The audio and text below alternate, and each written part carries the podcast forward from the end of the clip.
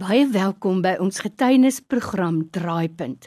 Onthou hierdie program word uitgesaai op 'n Vrydag aand 9uur en dan word dit weer herhaal op 'n Sondagmiddag 06:30.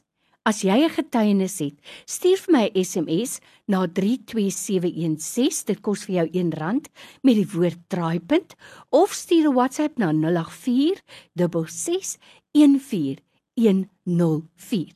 En dan skakel ek ook vir jou. Nou jy sal onthou Pieter en Juanita Palmer het ruk gelede hulle getuienis by ons kom deel. En hulle het 'n wonderlike program op YouTube waar jy video's kan kyk met wonderlike getuienisse. Nou vanaand se getuienis is oor Delia. Sy was in hierdie lockdown tyd in ICU vir 'n noodoperasie. Sy was skaars uit toe gebeur daar, toe gebeur daar volgende krisis in hulle lewe en daarvan vertel ons jou volgende keer meer. As jy nog meer van hierdie getuienisse wil geniet, gaan gerus na jou YouTube kanaal toe en dan tik jy net in die getuienis of besoek gerus Pieter en Janita se Facebookblad die getuienis. Nou vir vanaand se wonderlike verhaal Janita gesels met Delia.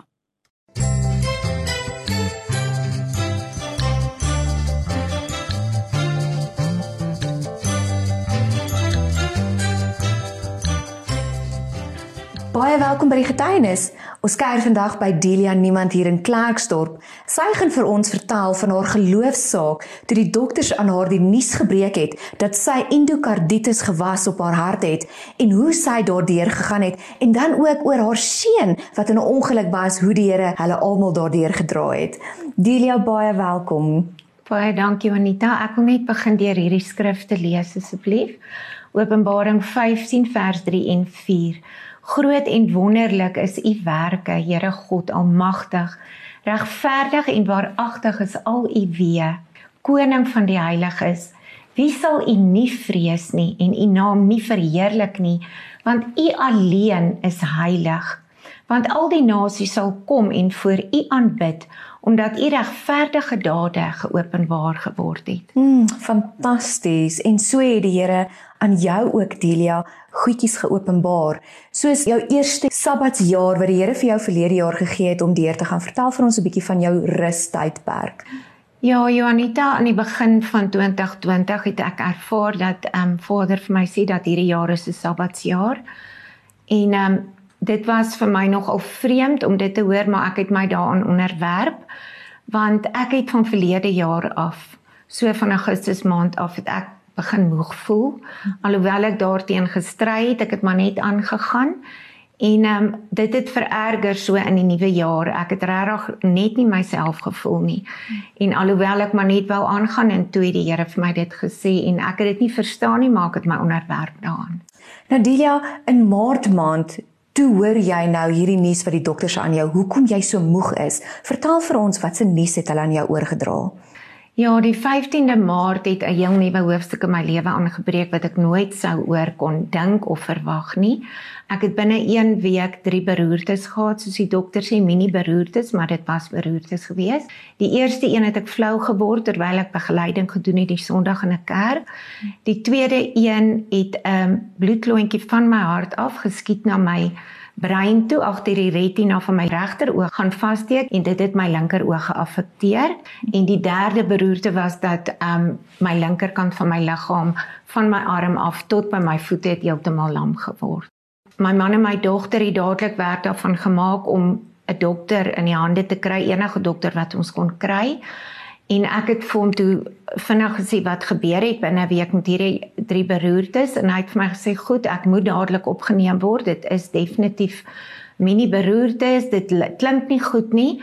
Hy gaan my onder 'n neuroloog laat opneem en hulle het intensiewe toetse gedoen neurologiese toetse in my liggaam MRI scans alles gedoen en wel die bloedlontjie opgetel aan die regterkant van my brein agter my oog En Sondagoggend het hulle gekom en die hartsonar gedoen en toe sien hy en vir my dit ook gewys dit was duidelik sigbaar op die sonar dat daar 'n weefselmassa gewas is aan my mitrale hartklep. Sure. Wat eintlik so heel heen en weer flap soos wat my hart klop. En ja, dit was toe die oorsaak van my toestand. En maandagooggend het die kardioloog en die chirurg na my toe gekom en vir my gesê hulle het nie vir my baie goeie nuus nie. Ehm um, Woensdagoggend 1 April kry ek 'n hartklepvervanging. Sjoe, dis groot. Dis 'n groot operasie. Baie groot. Ehm um, mm. hulle het vir my toe gesê dat die gewas soos hy dit as hulle dit gemeet het aan die die sonar is 3 cm in deursnee. Ehm um, hulle kan nie net die gewas uitsny nie, hulle moet ook my hartklep ehm um, vervang want my hartklep was verdik die mitrale hartklep as gevolg daarvan. Dit was die maandag wat ek die nuus gekry het. Nou die hoogtepunt van hierdie getuienis is dit gaan net oor hom en toe gee die Here vir my hierdie wonderlike droom. Ek het gedroom ek is in 'n woud, maar dit is die mooiste groenste woud met groen bome. Dis net groen gras oral waar jy kyk, die mooiste groen. Hmm. En ek het gekyk na my regterkant en ek het gesien hier's 'n verskriklike breë rivier en ek moet deur hierdie rivier. Ek het nie geweet hoe hoe ek hier deur gaan kom nie.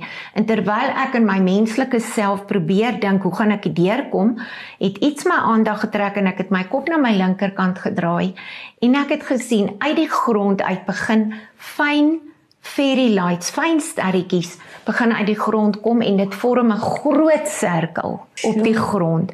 En hier uit hierdie sirkel kom uitgespring 'n groot massiewe spierwit perd en hy staan so in die lug hy kap met sy voorpote so in die lug. Sy hare was so sneeu. Dit was nie so gewoon 'n perd se gewone maanhare nie. Dit was 'n wit sneeulokke wat so in die wind gestaan het. En hierdie perd het so gestaan met en na my gekyk en hy het so met sy voorpote so gekap gestaan En toe ek weer sien toe sit deur die rivier. Ek kom voor 'n berg te staan die volgende oomblik, 'n baie hoë berg en ek weet ek moet oor hierdie berg, hoe gaan ek hier oorkom? Weer 'n keer dieselfde voordat ek nog self kon dink hoe gaan ek oor die berg kom?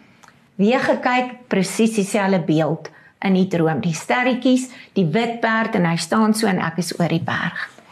Die derde keer, die volgende oomblik het ek my bevind in 'n diep vallei verskriklik droog, rotsagtig.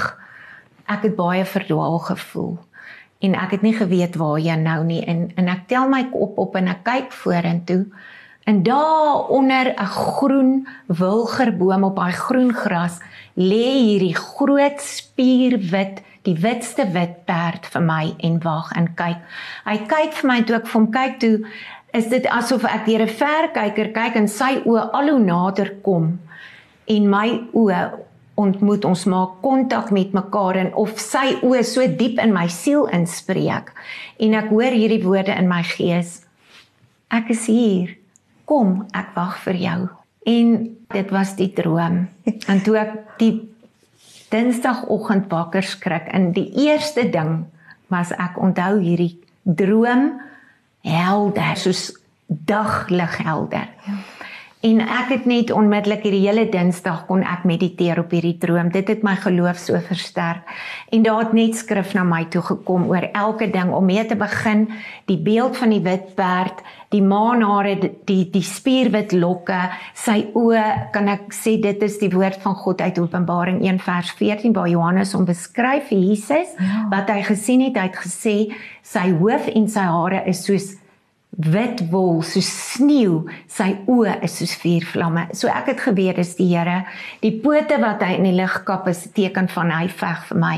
Hy is my elgiebor my krygsman hy het reeds die oorwinning behaal. En dan wil ek net die ander skrif gee wat ook met die rivier te doen het wat baie kosbaar is. Jesaja 43 wees nie bevrees nie ek het jou verlos Ek het jou by jou naam geroep as jy deur die water gaan as ek by jou die rivier sal jou nie oorstroom nie. Die vuur sal jou nie brand nie ensovoorts en dan Psalm 18 Die Here is my rots, my skuilplek, my redder, my God, my rots by wie ek skuil, my skild, my sterk verlosser, my veilige vesting. Dit is wat hierdie wit perd vir my gesê het. En dan in Psalm 18 toe ek voor die hoë berg kom. Hy maak my voete soos die van herte. Hy laat my tree op die hoogtes. En dan ook Psalm 121, ek toe ek daar voor die berg staan en ek kyk na hierdie hoë berg, is dit vir my die skrif ek slaan my oop na die berge. Waar sal my hulp vandaan kom?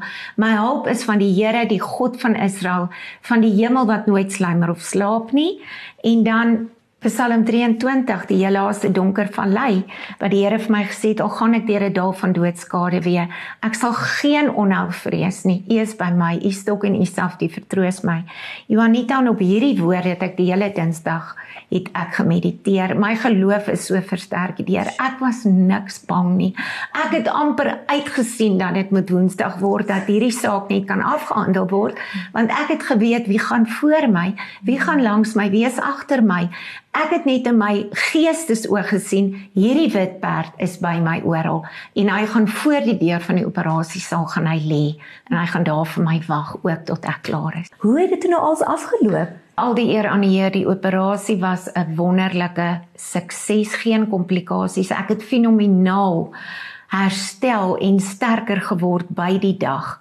So Jesus was by my. Hy was elke oomblik by my. Ek kan hom net al die lof en eer daarvoor gee.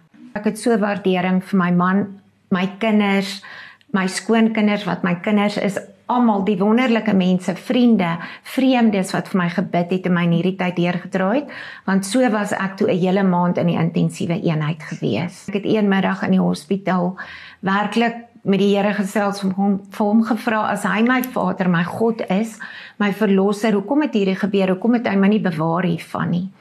En ehm um, toe die Here vir my eerste die skrif gegee Romeine 8 vers 38 vir hulle wat God liefhet sal alles ten goeie meewerk. Maar iets wat ons vergeet van hierdie skrif dit gaan nie oor ons nie. Nie ter wille van my gemaak tot sy eer. Absoluut. hy sal dit ten goeie laat meewerk tot sy eer.